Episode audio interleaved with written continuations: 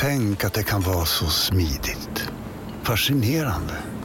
Hela landet sover men när jag såg en möjlighet att trada kunde jag ändå gå in på IG och handla med turbovaranter.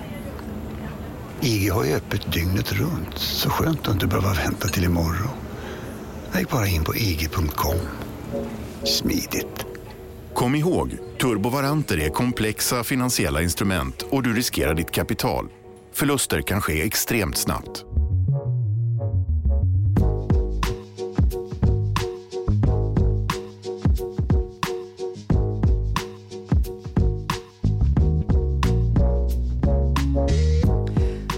Är någonting som inte stämmer med den svenska bostadsmarknaden.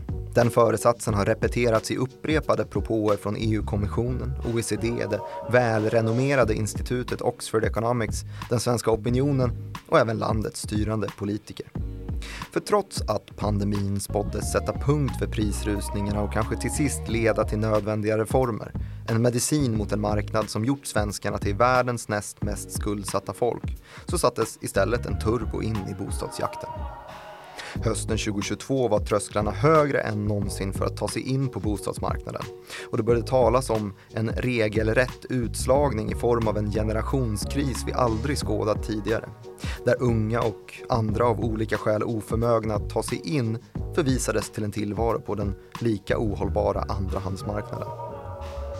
Den socialdemokratiska regeringens agerande kom till slut efter att densamma nästan vält i spåren av ett reformförslag året innan. Och nu rörde förslaget så kallade startlån för förstagångsköpare. Men förslaget kallades direkt för fjäsk inför höstens riksdagsval och kritikerna ropade “vargen kommer” och drog paralleller till de ökända amerikanska subprime-lånen som föranledde en av våra värsta finanskriser i världshistorien. Hur blev det så här och hur ska vågorna på det stormiga penninghavet som är modern svensk bostadsmarknad tämjas? Så att inte hela den svenska ekonomin plötsligt kantrar. Kan den hastigt uppseglade inflationsstormen tvinga politikerna att, likt tidigare i historien, till sist kasta ankare i stora strukturfrågor som hyresreglering och planmonopol? Det här, det är Follow the Money, en podcast om makt, storfinans och börsen. Av med mig, programledare Martin Nilsson och utrikesredaktör Joakim Rönning. Idag i en vindlande färd genom Lort-Sverige och krisen i befolkningsfrågan. Vad ska det här sluta, Joakim Rönning? Jag vet inte ens var vi ska börja, men vi har ju börjat med ett väldigt starkt intro måste jag säga. Tack så mycket. Lupus lupus till exempel. Latin? Vargen kommer. Mm. Vill du höra mer latin? Ja, gärna det. Något finansinspirerat kanske? Ja. Ursa. Vad, vad betyder Björn. det? Björn. Hur säger man tjur då? Uh, Taurus va? Ja, just det. Mm. Kul. Cygnus är väl svan? Svan, ja, just det. Anna Svans uh, hedgefond också heter väl det? Jaha, är det så? Eller hedgefondstrategi Ja, det visste jag inte. Får vi hoppas att den inte heter Cygnus atratus, för det är svart svan. Mm. Mm. Ja, latin. Ja, men det ska vi inte prata om idag utan just bo, bomarknad. Ja. Vad vill du veta? Jag skulle vilja börja med svenska bopriser. Ja. 5-10 gånger högre än för en generation sedan. Mm. Om man jämför bakåt då till typ när våra föräldrar skaffade hus och hem för första gången, köpte in sig i marknaden. 80-90-tal typ. Ja precis, 80-90-tal. Det är svårt att göra sådana här jämförelser men eh, om man tar botten 86 så var det en liten bo, bomarknadsbotten. Mm. Köpte man in sig där så då brukar man kunna säga då att beroende på vad man köpte och vart någonstans i Sverige man köpte så 5-10 gånger högre står priserna idag.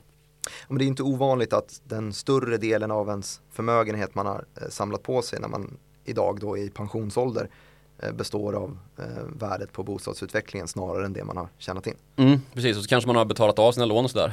Då är man ju en vinnare. Det är man. Så finns det ju förlorare i det här också då. Och förlorarna är ju de som ska in nu då. Förstagångsköpare, framförallt förstagångsköpare med barn i storstäder. De är i princip utprisade just nu. Mm. Då får man ha väldigt hög lön och kanske Väldigt rika föräldrar Ja precis, det är den, den variabeln är ju viktigare och viktigare ju längre priserna går upp så här. Så det, men just nu är det tuffare att ta sig in än vad det någonsin har varit. Mm.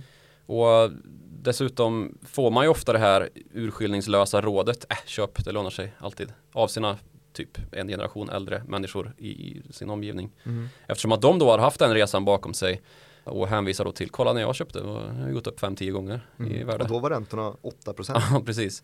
Eh, men det, det, ställer ju krav då på att man antingen har en avsevärt högre inkomst än medel som jag sa, eller att man då får hjälp och vanligtvis då av sina föräldrar. Men vad, hur lång tid tar det att spara ihop till en kontantinsats? Ja, det här finns det ju data på som är ganska enkel att liksom redogöra för. Det tar ungefär 15 år då om man ska köpa en lägenhet i innerstad Stockholm, kanske en, en större etta eller tvåa. Och man, då, då, tar man ju data då från vad snittbesparingen för en medelsvensk ligger på. Eller ja, vad medelssparandet ligger på i månaden helt enkelt. Just det, som, som kanske då är lite lägre än om man lägger manken till och verkligen vill ha en bostad. Ja, det kan det väl vara kanske. Men samtidigt beror det på vad du tjänar. Det är ju det som är det viktiga då. Så därför är ju medelsparandet en, det är ju ett tvärsnitt då av alla människor i Sverige och vad man i snitt sparar. Alltså då är ju medelinkomst eh, implicit. Liksom. Jag gissar också att det inte räknar med att bostadspriserna fortsätter stiga 10% per år. Nej, precis. Alltså är eh, snittuppgången högre än vad sparandet kan öka så, så fortsätter man ju vara utprisad oavsett då om man sparar som medelsvensson gör. Och den lilla kryddan på det hela blir ju att det är då du har nått fram till den här kontantinsatsen, alltså 15% av bostadens värde. Mm. Och då är du alltså maxbelånad därefter. Jajamän, det ska man vara i Sverige tydligen. Och det är ju det här som skiljer då från en generation tidigare. För som sagt då så var ju räntorna 8-10% då. Det är de ju inte nu. Just det, så där blir man snarare hindrad av vad månadskostnaden blev. Ja, precis. Nu är ju skillnaden istället då att det är så dyrt att köpa så att priset på lägenheten innebär ju att ditt lån blir större och trots då att räntan är så pass mycket lägre så är kostnaden ganska så jämförbar ändå. Men just månadskostnaden är ju en ganska liten del av det. Vi, mm. betalar, vi har aldrig betalat så lite i räntekostnader trots Nej. att skuldkvoten är så hög Vilket som är väldigt, idag. väldigt märkligt egentligen. Men uh, det är ju en konsekvens av att vi har så extremt låg ränta fortfarande då trots att vi har nu kommit upp på lite högre marknadsräntor i alla fall och i viss, på vissa håll i världen så är det ju på väg uppåt. Men vi har ju haft en utsträckt period nu från smällen 2008 som vi ska prata mer om lite senare när den här um, ultralätta penningpolitiken började införas um, över världen. Just det. Och hur, när du sa världen, hur står sig Sverige i den? Ja, i, i världen, alltså i Europa får vi nästan jämföra med, eller OECD, alltså välutvecklade länder som vi är i samma liga som. Då är Sverige då i Europakontexten näst mest skuldsatt. Vilka är värre? Danmark är värre. Se där. Och de har ju redan gått på sin mina. De hade ju en bostadsmarknadskrasch för drygt tio år sedan. Men... Det räckte inte för att de inte skulle bli av med Nej, och det kan väl sätta, sätta ljuset också på att det här är ju saker som ja, under, händer emellanåt. Under vår eh, uppgång som vi har refererat till här ju, om vi satte 86 som botten så har vi absolut haft en, en bank och fastighetskris där. Ja, det har vi. Och då, det var ju framförallt kanske en, en kommersiell fastighetskris, alltså butiksfastigheter och andra typer av eh, lokaler som drivs i privat regi. Men det var ju också så att eh, bostadsrätter drabbades, huspriser gick ner med 15-30% och till och med lite mer i vissa fall då. Men eh, det brukar man inte prata om som en bostadsmarknadskris för att det var ju så fokus på bank och fastighet och i största allmänhet, inte på specifikt då bostadsmarknaden i sig. Då snackar vi 90 till 94 ungefär. Ja, precis. Hur blev det så här? Ja, om man utgår från någon sorts marknadsdynamisk modell så är det ju utbud och efterfrågan som gäller i alla marknader. Det är mm. så priser sätts. Och efterfrågan är ju helt enkelt mer än vad utbudet kan stå till tjänst med. Järnvägsläget, alltså priset, blir väldigt högt upp på, på grafen. Just det, så att det är fler som vill bo än som kan bo. Ja, exakt. Och då blir det ju de som har mest att punga ut med som sätter priset helt enkelt. Det är inte köparens marknad utan det är säljarens marknad. Och så här har det ju blivit då om man ska gå till marknadens mest logiska utförande för att vi har haft en befolkningsökning, alltså vi har en högre efterfrågan. Men vi har inte haft samma ökning av utbudet då, alltså vi har haft för låg tillförsel av nya nybyggda bostäder. Och det beror ju i sin tur då på att vi har haft ett bristande intresse för att bygga och när det byggs så byggs det i regel för dyrt. Så det finns inte tillräckligt mycket enkla bostads och hyresrätter som folk har råd med helt enkelt man tittar på kalkylen utbud efterfrågan när man sätter spaden i marken. Ja, precis. Alltså byggbolagen är inte intresserade av att bygga billiga fastigheter för bostäder för att man helt enkelt inte tjänar tillräckligt mycket pengar på dem. Det blir inte tillräckligt hög marginal och då hemfaller man istället då åt att bygga dyrare och till slut så är den delen av marknaden kanske mer mättad än vad den hade varit eh, i underkanten på, på prissättningen av lägenheter och, och även småhus då. som ju är det man brukar prata om. För det är det bulken av bostadsfastighetsbeståndet utgörs av naturligtvis. Och sen om man ska prata om pandemin då, den här extrema utvecklingen vi har haft under de senaste åren när vi har gått hemma och dragit och inte kunnat eh, sticka in till jobbet och eh, istället arbetat i våra hemmakontor och sådär så har ju den utvecklingen berott på att vi inte har byggt villor i lika stor utsträckning som vi har byggt fler bostadshus just för att ta itu med den här bostadskrisen vi fortfarande befinner oss i. Det finns flera hundratusen bostäder för lite och då om man ska bygga mycket på kort tid så, så är det mer effektivt att bygga fler bostadshus och då blir det mindre yta, mindre boendeyta och nu under pandemin här så vill ju alla bo på landet typ. Alla ville ha ett stort hus så att man inte gick och trampa på varandra med eh, sina anhöriga i samma rum samtidigt som man skulle försöka få något arbete gjort i, sitt, i sin digitala arbetsmiljö. Och det är ju det som har gjort att vi har, eh, liksom, har du köpt ett hus i utkanten av Stockholm någonstans där i mars, april 2020 så har du ju sett en prisutveckling på en 40-50% sedan dess. Just och då pratar vi ju hus som är dyra redan, alltså som kostar i 10 miljoners klassen och som nu kostar upp mot 15 liksom. Villor har stuckit iväg långt mycket mer än lägenheter. Ja. ja, det är ju en sån efterfrågeeffekt då som man kan hänvisa direkt till att det har byggts alldeles för lite och um, när behovet väl satte in då av att ha mer yta per boende så blev den effekten väldigt påtaglig i, i prisutvecklingen. Men hur skiljer det sig här då från, från omvärlden? Varför sticker vi ut? Borde det inte se ut sådär just överallt? En väldigt grundläggande faktor för just att Sverige blev som det blev var vi fick ingen arbetslöshet att tala om direkt. Vi löste det på ett väldigt smidigt sätt. Under pandemin? Ja, eh, för arbetslösheten det är ju det alla är livrädda för och alla prognosmakare som sa det här kommer gå åt fanders, vi kommer få en priskrasch då helt enkelt. Inte bara det att vi inte har någonstans att bo för att det inte byggs tillräckligt utan för att folk inte har råd att betala för det som finns redan. Alltså de lån de har satt sig själva med. Mm, det här var någonting som var väldigt tydligt i, jag intervjuade eh, Americo Fernandez som är privatekonom eh, inriktad på bostad just på, på SCB här i morse. Han visade deras boprisindikator. Det är statistik som de har kört i drygt 20 år. Man ställer den enkla frågan om ett år tror du bostadspriserna kommer vara högre, oförändrade eller lägre? Och den här boprisindikatorn då, om man gör ett snitt av det här, det var den tydligaste dippen jag har sett i, någonsin på en graf i princip under just slutet februari, början mars. Mm. Eh, när den statistiken när kom När pandemin in. kom helt enkelt. Exakt, och sen så var det ju den, den snabbaste återhämtningen. Det var ju några veckor som folk trodde att nu kommer det sjunka, men sen så var det indexet uppe på över 30-40 mm. väldigt snabbt igen. Och det är så fort den är över noll så tror majoriteten på att det kommer vara stigande bostadspriser. Mm. Ja, precis. Och dessutom så kom det ju en massa finanspolitiska utspel då ju. Vi införde bland annat amorteringsfrihet för eh, bostadsägare. Just man kunde pausa sina amorteringar och låta ja, dem precis. ligga. Och det då i samklang med att väldigt få blev av med jobbet som en direkt konsekvens av pandemin ledde ju till att folk hade mer att röra sig med och att folk kanske tog en risk då och köpte någonting dyrare än vad man hade haft råd med annars. Ska man, säga. man gick med på att ja, men priserna är upp men jag har också kompenserats genom att amorteringsfriheten då gör att jag har möjlighet att köpa och därför gör jag det.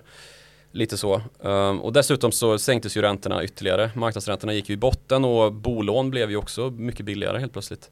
Mm. Så att, eh, ja men summa summarum så blev det görbart för väldigt många att köpa dyrare istället för tvärtom då att det skulle bli en krasch på grund av att folk blev av med jobbet och inte hade råd att betala sina räntor, fick typ utrymma sina, sina bon och sälja i på exekutiv auktion så blir det ju verkligen inte. För det är ju en väldigt prisdödande effekt. När det istället blir tvärtom då så, så står det ju ganska klart varför vi fick en sån rusning som vi hade. Och det här liksom bostadspolitiska lapptäcket som vi har i Sverige, det består ju delvis då av att vi har haft en del åtgärder på bordet som, som då har varit för att kyla ner redan befintliga prisuppgångar innan pandemin. Och då har vi ju bland annat just amorteringskravet som då släpptes under pandemin. Vi har ett lånetak som nyligen eh, sänktes, alltså man får låna max 85% av bostadens värde eller bostadens pris. Vi har å andra sidan då också ränteavdragsmöjligheten, att man får dra av räntekostnader på skatten varje år. Så det här är ju liksom små beslut som har fattats då för att riskreglera den svenska skulden kan man säga, den svenska hushållsskulden. Och anledningen till att man har då de här reglerna som ska riskjustera den svenska hushållsskulden är för att marknaden är satt ur spel kan man säga. Och det är den på grund av då två stycken för den svenska bostadsmarknaden väldigt grundläggande regleringar som liksom har ja, varit den, de stora debattämnena när det kommer till svensk bostadspolitik egentligen. Att det behöver komma till en stor och bred överenskommelse för ett reformpaket och för att ta itu med bostadsmarknaden. Och då genom att man tar itu med hyresregleringar och planmonopolet. Hyresregleringar är ju väldigt välbekant med hur det fungerar. Kan vi börja med planmonopolet? Hur fungerar ja. det? Planmonopolet det är ju så då att kommuner i Sverige har rätt att bestämma över vilken mark som ska detaljplaneras. Och detaljplanen då det är det som möjliggör vilken mark som ska bebyggas överhuvudtaget. Alltså du som markägare är inte den som bestämmer över om någonting ska byggas eller någonting ska utvecklas på din mark utan det gör kommunen ett beslut om och så får du utefter ut efter det då foga dig till att eh, bygga eller inte bygga liksom. Just det, här finns det ju ett gäng olika börsnoterade bolag också som arbetar med just den processen. Att mm. hitta mark, köpa upp den och sen så föra den här processen mot kommunen. Det tar ett par år innan man har en detaljplan färdig och man får börja bygga. Och precis, precis när man får den färdig och kunna bygga, det är då uppvärderingen har skett och man säljer det vidare till ett bostadsbolag istället som börjar bygga där. Ja. Så går man vidare till nästa projekt. Lite som typ gruv. Mm, att här har vi en, en potentiell gruva, nu ska vi driva processen då mot eh, att få Staten är ju i slutledet där då som bestämmer över var det ska grävas och inte.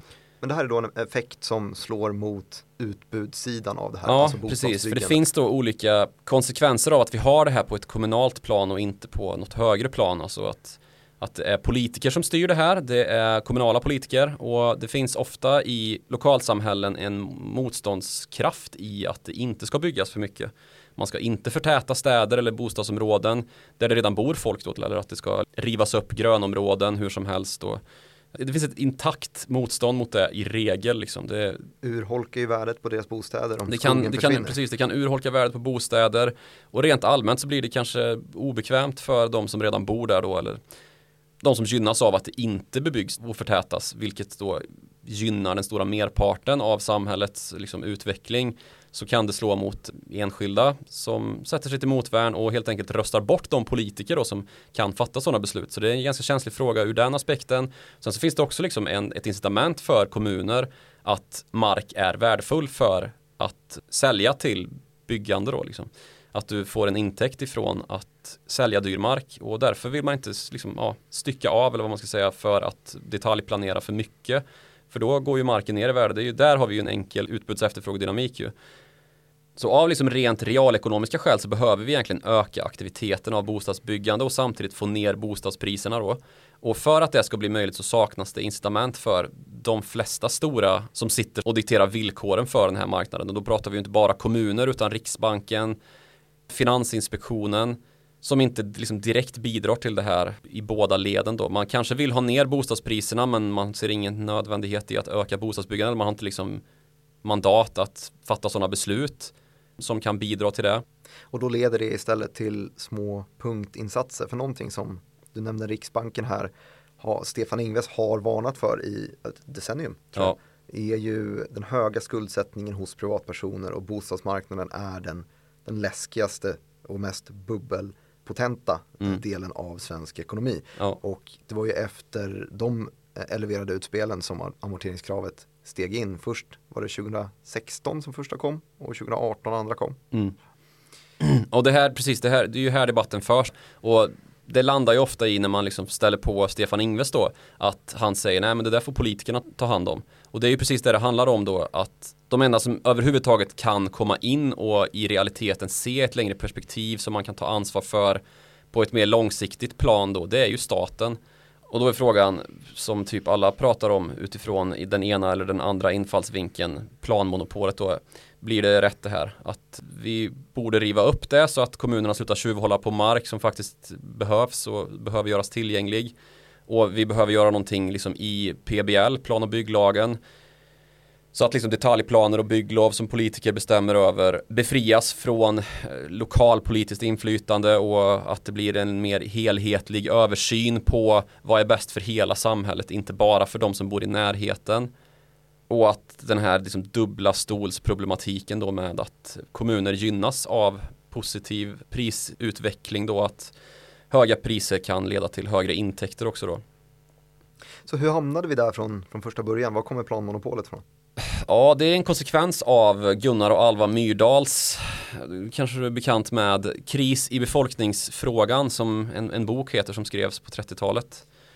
Det är då en utredning som gjordes åt, åt den socialdemokratiska regeringen som då blev verkställd någon gång slutet på 40-talet efter andra världskriget.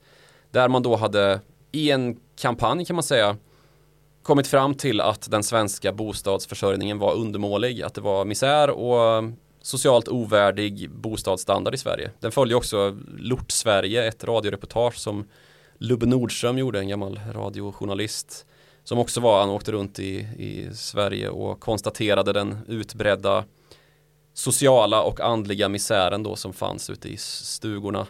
Och det var ju härifrån som folkhemsbygget egentligen föddes, att man skulle få ett välfärdsland och att man helt enkelt inte skulle ha utedass och det skulle dras in rinnande vatten, man skulle ha fiber och 5G. Ha fiber och 5G, ja precis. Och det hade helt enkelt inte marknaden kunnat tillse då. Det var för låg standard och man ville helt enkelt sätta marknaden ur spel då så att man nådde upp till tillräcklig standard för invånarna och därifrån kunna se en, en välfärdsökning då för alla. Och sen så nu är väl problemet att vi är ju förbi det där nu. Men ändå så sitter vi fast i de här gamla reglerna som är ämnade att bidra till den höga standarden. Så Alltså byggstandarder och sånt det tas ju redan om hand i, i andra delar av regelverk som, som liksom finns på byggsektorn och så här. Så det går att argumentera för att det här är helt onödigt idag och liksom en, en omodern bostadspolitik. Och detsamma gäller ju för hyresregleringarna då som från högerhåll alltid lyfts fram som ja, men just en, en marknadsavrättning liksom där marknadens dynamiska funktion helt sätts ur spel. Och det här blir ju alltid stora politiska konflikter när det här tas upp, inte minst 2021 när det ju i praktiken ledde till att regeringen ja, föll. Det blev ju en ny regering efteråt som bara bestod av Socialdemokraterna och Miljöpartiet hoppade av. Och det var ju på grund av att vänstern då motsatte sig bostadspolitiska förslag som lades fram då. För att blidka Centern som ju var en del av, av januariöverenskommelsen. Så att sossarna kunde sitta i, vid makten. Innan vi kom in på planmonopolet så, så nämnde du ju hyresreglering, ska ja, du dra den också? Precis, ja men hyresregleringen är ju då att man får inte sätta marknadshyra som hyresvärd. Utan eh, du får sätta en, eh, liksom en maxhyra utifrån då vad, vad lägenheten har för standard. Och det är någonting då som man har kommit fram till och det finns hyresnämnder som, som bestämmer eh, dit man kan gå då och få konfliktlösning om du, om du liksom hamnar i tvist med din hyresvärd över att du tycker att du betalar för mycket utifrån att ja, men min hyresrätt är inte värd att betala så här mycket för, för den är för dåligt skick. Och så finns det då en massa andra, om det är nyproduktion så, så finns det lite nya regler och jag vet inte, jag tycker de är ganska träliga. Men om vi i alla fall skulle, skulle hårdra det så blir ju hyresregleringen i alla fall inte ett incitament för byggbolagen att bygga hyresrätter. Nej, det blir det definitivt inte. Som vi sa då så är det ju så att marginalen blir högst på att bygga dyra bostadsrätter och lyxbostäder. Så att eh, ja, det har ju missgynnat den stora massan då. Som sagt, bulken av bostadsmarknaden utgörs ju av icke lyxlägenheter om vi säger så. Mm. Och det här då, det här hyrestaket, det är en konsekvens av att man 1917, tror jag det var, man införde hyrestaket under första världskriget när det rådde inflation och eh, varubrist liksom. Och då började hyresvärdar att pressa upp priserna för alltså hyrorna för boende och då såg eh, regeringen rött och införde då att det här får ni inte, så här får ni inte bete er. Så i samband då med kriser så är det sådana här grejer som händer. Alltså 1917 när vi hade första världskriget och 1947 då var det ju nyss ett eh, andra världskrig. Med de konsekvenser som följde därav då så, så ja men i röriga tider så, så kan uppenbarligen sådana här stora beslut fattas och formera den eh, marknad som vi har så här 80 år senare eller ja, 100 och 80 år senare om man utgår från 17 och 47 då. Mm. Men nu har vi kommit till ett, ett nytt förslag. Det är inte lika omvälvande som ett planmonopol eller hyresreglering utan det är väl snarare ett till liten lapp i lapptäcket som är bostadspolitiken och det mm. är det här startlånet för förstagångsköpare. Vad var dina initiala tankar? Ja, om man ska beskriva det då så, så är det då ett lån som ska ges till förstagångsköpare. Alltså du får inte ha ägt en bostad. Det här är ju då för att underlätta för förstagångsköpare som inte har föräldrar eller andra anhöriga som kan hjälpa till med kontantinsatsen då. För kontantinsatsen är ju 15% som sagt då lånetaket är ju 85% av bostadens pris. Och när priserna är så här höga så, så krävs det ju att någon typ eh, lånar ut pengar till dig, går i borgen eller helt enkelt ger dig det här lånet då så att du kan komma upp till de 15 procenten som behövs. Alltså, så jag tycker ska köpa en lägenhet på, som kostar 3 miljoner i Stockholm. Då behöver du ha nästan en halv miljon, 450 000 för att kunna ta lånet överhuvudtaget då. Även om du är kreditvärdig och banken helt enkelt kalkylerar att men det här kan vi ge. Men då måste du ju också ha de 450 000 kronorna. Alltså, det är ju ingenting man kanske sparar ihop på någon kortare tid. Som sagt, 15 år är vad som krävs då för de här dyra Stockholmslägenheterna om du ska snittspara då som, som medelsvensken gör. Men det här är då för att adressera den här omtalade insider-outsider Ja, precis. Så det har landat i ganska mycket så här att ja, men de som inte har föräldrar som kan göra det här. Men sen så finns det ju också andra som kommer från andra länder och inte överhuvudtaget har några tillgångar i landet. Eller som inte överhuvudtaget är intresserade av att låna av ja, men potentiellt rika föräldrar. Och det finns ju kanske en del sociala skäl som gör att man inte är så sugen på att skuldsätta sig till sina föräldrar. Så får du låna hur mycket som helst från staten då eller hur fungerar det? Nej, det, det handlar om 10% så alltså två tredjedelar av handpenningen, alltså av de här 15 procenten som du måste lägga in då i bostaden för att få ett lån av banken. Så staten blir din borgensman? Ja, precis. Och du behöver helt enkelt bara 5% då av bostadens slutpris för att kunna köpa den. Och man kan ju därmed säga då att man höjer lånetaket till 95% från 85% för um, förstagångsköparna. Men samtidigt då så finns det ju försvårande faktorer. Dels att startlånet går bara upp till 250 000 max. Om man är ensamstående förälder så blir det dubbelt. Men dessutom så måste du ju som sagt uppfylla kraven för att få ta ett lån hos banken då. Så du måste ju ha din inkomst och en tillräckligt hög inkomst för att kunna ta lånet då. Du får ju låna, vad är det, snitt max 4,5 gånger din årsinkomst eh, eller något dylikt. Mm. För att köpa lägenhet. Så att eh, det är ju inte fri lejd att handla upp sig på att skuldsätta sig hur högt som helst bara för att det här kommer till nu då. Så sammanfattningsvis som vi har snackat om det här lapptäcket med utbud och efterfrågan så ger startlånet förvandlar outsiders till lite mer köpstarka. Det driver upp efterfrågan på bostäder. Mm. Vi, på marginalen borde man se högre bostadspriser på grund av det. Och också på marginalen borde man se en högre inflation. Ja, jag tror inte bara marginalen, eller på inflation kanske, men vad det gäller marginalen på bostäder så tror jag inte det är särskilt små marginaler. Alltså det här är 400 000 personer då som man har räknat med ska kunna komma ut på bostadsmarknaden i och med ett sånt här beslut. Så 400 000 personer som då har fast jobb, ja. hög inkomst. Ja, eller som, som uppfyller kriterierna på ett eller annat sätt då. Och det är ju, kan ju bli väldigt påverkande för, för vissa typer av bostäder då. Om vi pratar liksom förstagångsköp som, som man klarar med en handpenning som är 250 000 eller då om man är två, alltså har en sambo, så blir det ju en halv miljon då. Mm. Så då kan man ju köpa en lägenhet som kostar Ja vad blir det? Alltså en halv miljon plus 250 då som är de 5 procenten i handpenningsdelen. Så, så har du ju plötsligt pengar nog att köpa för 5 miljoner. Och kan man ju få en tvåa för. Ja, i Stockholm kan du få en ganska fin tvåa för, för 5 miljoner. Så det är ju definitivt så att det kan påverka ganska, ja, men ganska mycket om, om det nu blir en skjuts framåt och man beslutar sig för det här. Att det inte bara är en, en, ett valfläsk som sen inte materialiserar sig i de regeringsförhandlingar som ju följer alltid efter svenska riksdagsval. Så det är ju inte så att det här är klart. Liksom. Det... Nej, nu ska ju expertutlåtanden eh, ge sina synpunkter. Precis, det att, eh, lämnades ju över ett betänkande den 4 april från då en arbetsgrupp som gått igenom det här och kommit fram till ett förslag då för startlånen. Men det är intressant i alla fall, eh, lapptäckesproblematiken i det hela just att vi bara för några år sedan får ett amorteringskrav som då syftar till att stävja den här skuldsättningen. Mm. Eh, och sen så får vi ett helt annat förslag som då syftar till att lösa insider-outsider problematiken på bekostnad av en högre skuldsättning. Mm, det är lite så man jobbar nu för tiden. Det har vi pratat om tidigare i lite andra sammanhang att eh, folk behöver uppenbarligen stöd för att stävja den inflation som man drabbas av då i marknaden just nu när pengar förlorar sitt värde saker och ting blir dyrare hur man nu väljer att se på det och då får man det i form då av statliga subventioner på ett eller annat sätt och vad gör statliga subventioner? Krascher ja, men det leder ju till att vi får ännu mer inflation. Ja. Så det blir ju lite skott i egen fot det här om man eh, låter det gå för långt.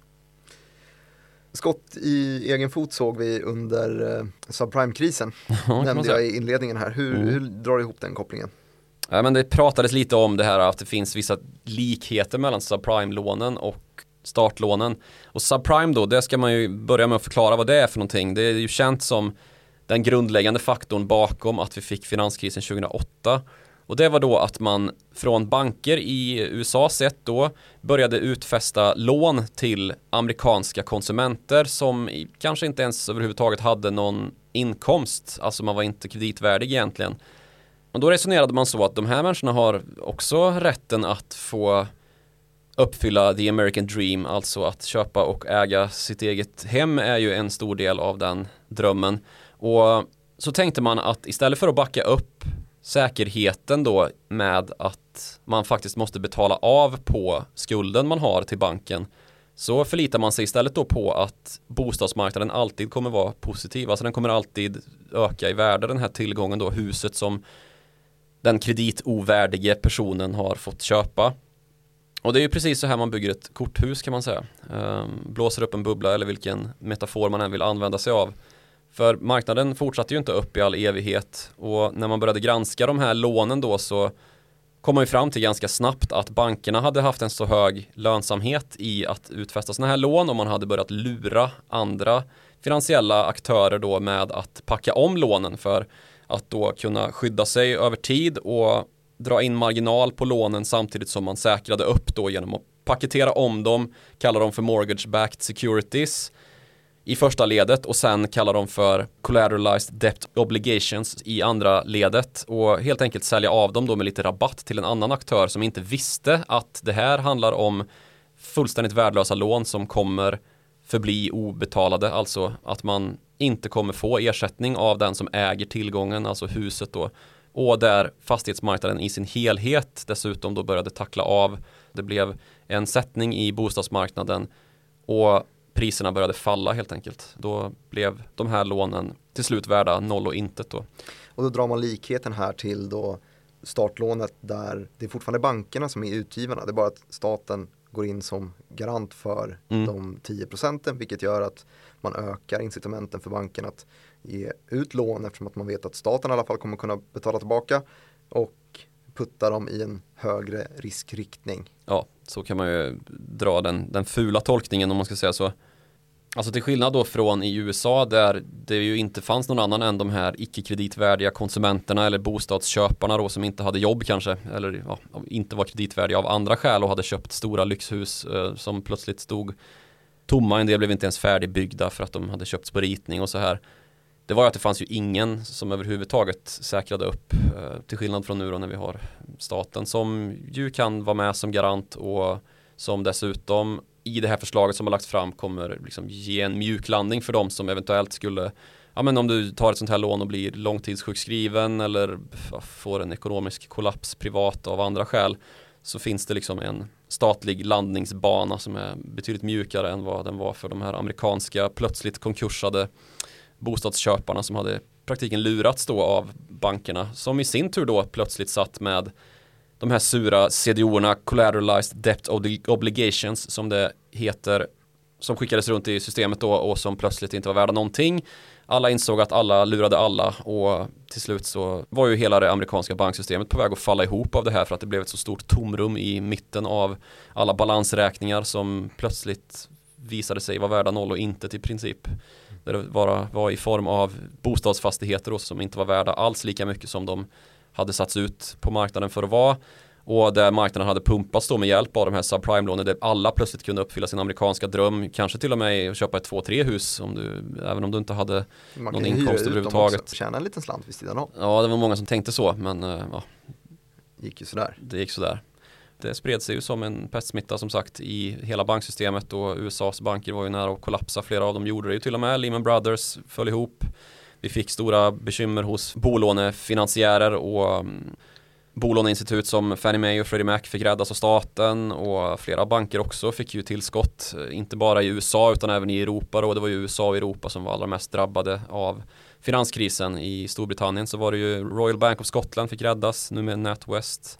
Commerzbank i Tyskland fick räddas och ja, det såg ju riktigt illa ut. Det kunde ju ha blivit en eh, riktig finansiell domedag om inte det hade kommit till de här stora stödpaketen. Men det ledde ju också till att vi sitter där vi sitter nu med de eh, extremt låga räntorna då för att rädda eh, all den skuldsättning som, som hade surnat i böckerna och eh, helt enkelt kunna ha råd att försörja de skulderna. Då fick vi sänka räntorna och där ligger vi kvar fortfarande ju. Så vi har gått från, från svenska bopriser, vi har snackat om eh, bostadspolitiska lapptäcket, vi har pratat spekulativt om ett nytt subprime-kris. Men vad finns det för förslag på lösningar? Nu ska vi säga att den här subprime-taken är ju kraftigt överdriven alltså. Det är ju inte Verkligen, förslaget är ju inte ens färdigställt än. Nej, och dessutom så pratar man om subprime i samma andetag som, som startlånen, då har man inte riktigt koll alltså. Så är det. Du har gjort det nu. Ja, men det var bara för att belysa att det inte är samma sak. Just det. Ja, men eh, om vi återgår till själva grunden för den här dysfunktionella marknaden då så, så har ju det lett till att vi har för lite byggande i Sverige. Och vi har haft det över tid. Vi har en bostadskris helt enkelt. Det finns inte tillräckligt mycket bostäder. Och senast vi hade ett liknande problem det var 1960-talet när man kom fram till att vi löser det här med miljonprogram. Det blev inte heller skitbra, eller hur? Nej. Billiga bostäder som bara sattes ut i stålgrå eller betonggrå i alla fall, kaserner ute i förorter. Och så försökte man skapa det här folkhemmet ytterligare ett snäpp då. Det blev ju istället ett nytt segregerat Ja, ett nytt segregerat samhälle där vi eh, började inhysa flyktingar och skapa segregation och eh, den tidens misär som vi har brottats med i de här utanförskapsområdena. Skapat de outsiders som vi har pratat om idag. Precis, sen, sen 70-80-talet så har det ju varit på det viset att eh, det har bara försämrats i de här områdena och nu så är de här betongkasernerna, många av dem eh, liksom inte ens renoveringsbara. Så det är ju förfärliga konsekvenser som, som sådana liksom snabblösningar har fått. Så det vi skulle kunna titta på då är ju reformer som stimulerar byggande helt enkelt. Och det som det pratas om är ju mycket just så planmonopolet. Vi måste riva upp planmonopolet så att inte kommunerna sitter på dubbla, tredubbla stolar. Och vi måste se till en större lösning då som ligger på statlig nivå eller på en nivå som i alla fall är över kommunerna. Vilken nivå det skulle vara om inte statlig nivå det är ju svårt att säga så mycket om för det finns ju ingen sån egentligen. Jag tror det skulle bli skrikigt i debatten om de påstod att det här kan väl landstingen lösa. Mm. um, men så, så liksom hur, hur stimulerar man byggandet i övrigt då? Ja, Lägre räntor? Ja, det funkar ju inte uh, uppenbarligen när man har de här problemen som vi har i uh, regelled då om man så säger.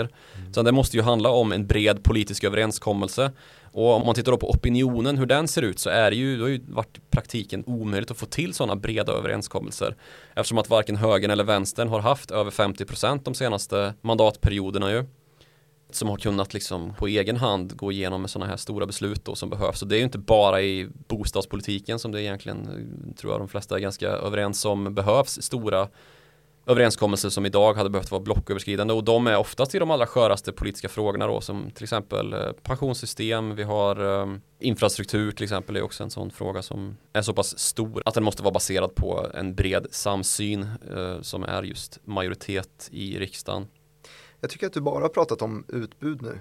Uh, du nämnde ju Myrdal här i, i början av avsnittet. De skrev ja. en bok och i ett, förslag i den boken vill jag minnas är ju Eh, frivillig sterilisering. Ja, Då skulle man kunna slå lite grann mot efterfrågan också. Ja. Den står du upp för. Ja, jo, men det, jag kan ta det. Ja. ja de har ju kon mycket konstiga idéer, Myrdalarna alltså. Det var ju länge sedan. Ja, förvisso. De var ju riktiga radikaler alltså. Mm. Ja, Gunnar och Alva. Sen så hade de ju Jan också, deras härlig son. De var inte steriliserade?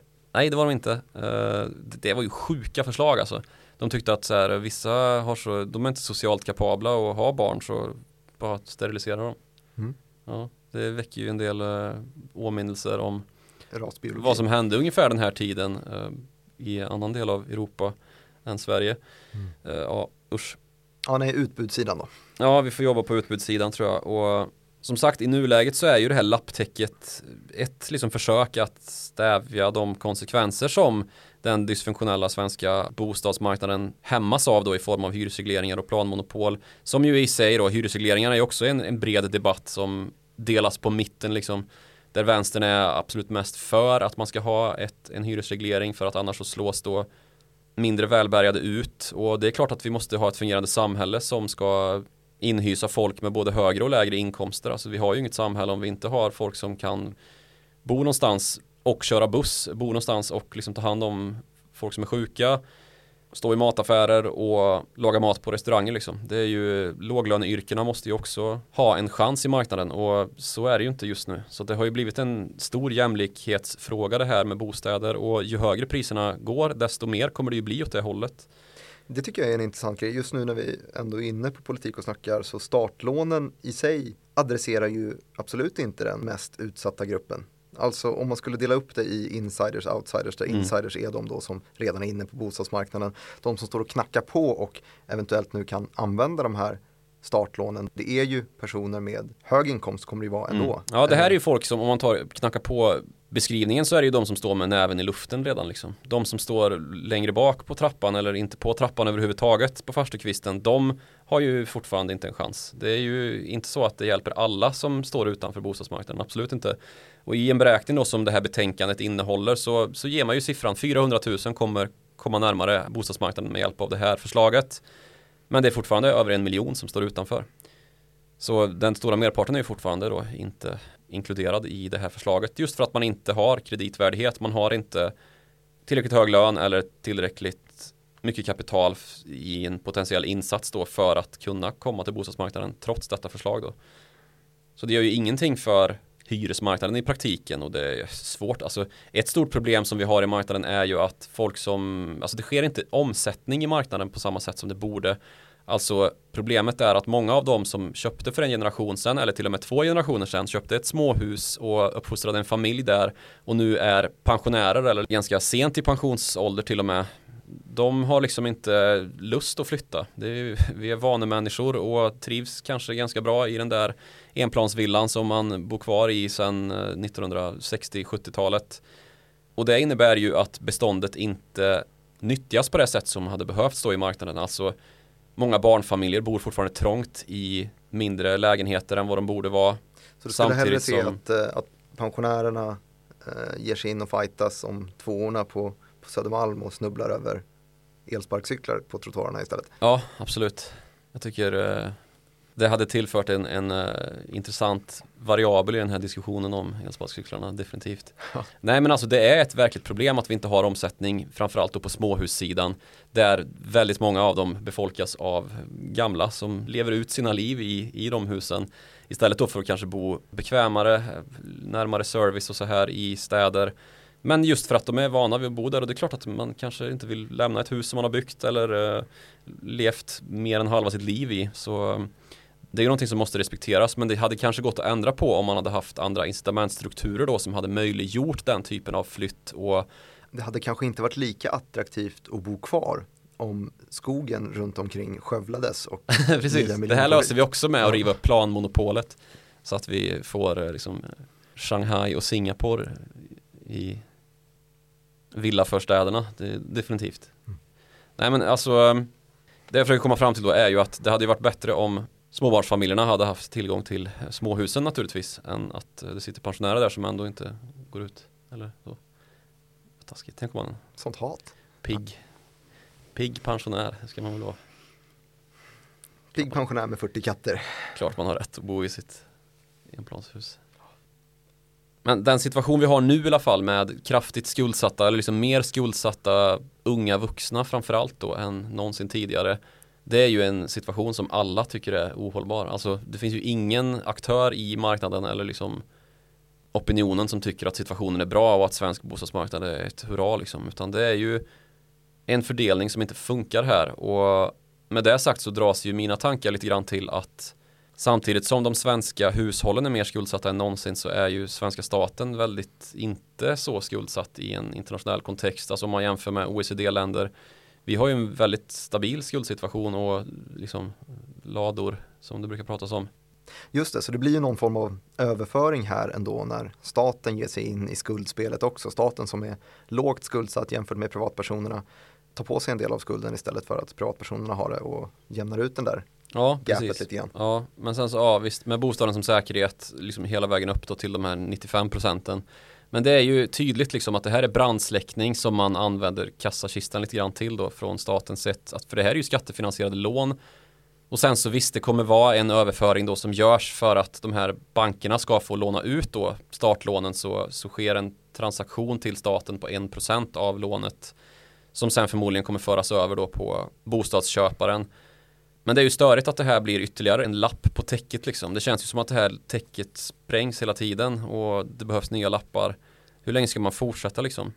För alla beslut som fattas, det är ju beslut som borde fattats för länge sedan och nödvändiga åtgärder som de här ju ändå är och för att få någon sorts ordning på marknaden, det är ju liksom sådana som borde fattas för länge sedan men också som medför negativa effekter eller negativa konsekvenser som alltid är oacceptabla egentligen för vissa grupper. Till exempel då det här med att vi behöver få igång flyttandet så att äldre flyttar från småhus och barnfamiljer kan flytta dit. Det hade kanske kunnat vara sänkt reavinstskatt men skulle vi minska reavinstskatten, alltså den skatt man betalar på vinsten då som man har gjort på en husaffär då kommer också förmodligen efterfrågan att öka samtidigt som utbudet står still. Alltså det byggs inte mer villor på grund av det här eller lägenheter för den delen. Vilket då leder till att de som sitter kvar i småhusen gynnas igen. Alltså samtidigt som de som sitter kvar i lägenhet med småbarnsfamiljer eh, missgynnas igen. Så att det, delikat spel. det är ett delikat spel med ständigt behov av nya lappar och jag vet inte hur många det finns liksom. Än så länge verkar det ju ändå finnas viss tilltro till det här. När jag intervjuade Americo Fernandez här i morse så eh, lutade vi oss ju mot hans boprisindikator som fortfarande pekar på att det finns en klar majoritet som tror på att bostadspriserna är högre om ett år ja. än vad de är idag. Det är ja. fortfarande konsensus kring det hela. Jo, men det menar jag också liksom bidrar ju till det här ohållbara riskkorthuset eller den här ohållbara riskbubblan. För räntorna har ju gjort att vi inte spenderar mer på boendet. Alltså boendekostnaden idag är inte högre än vad den var för våra föräldrar när de hade 8% i ränta.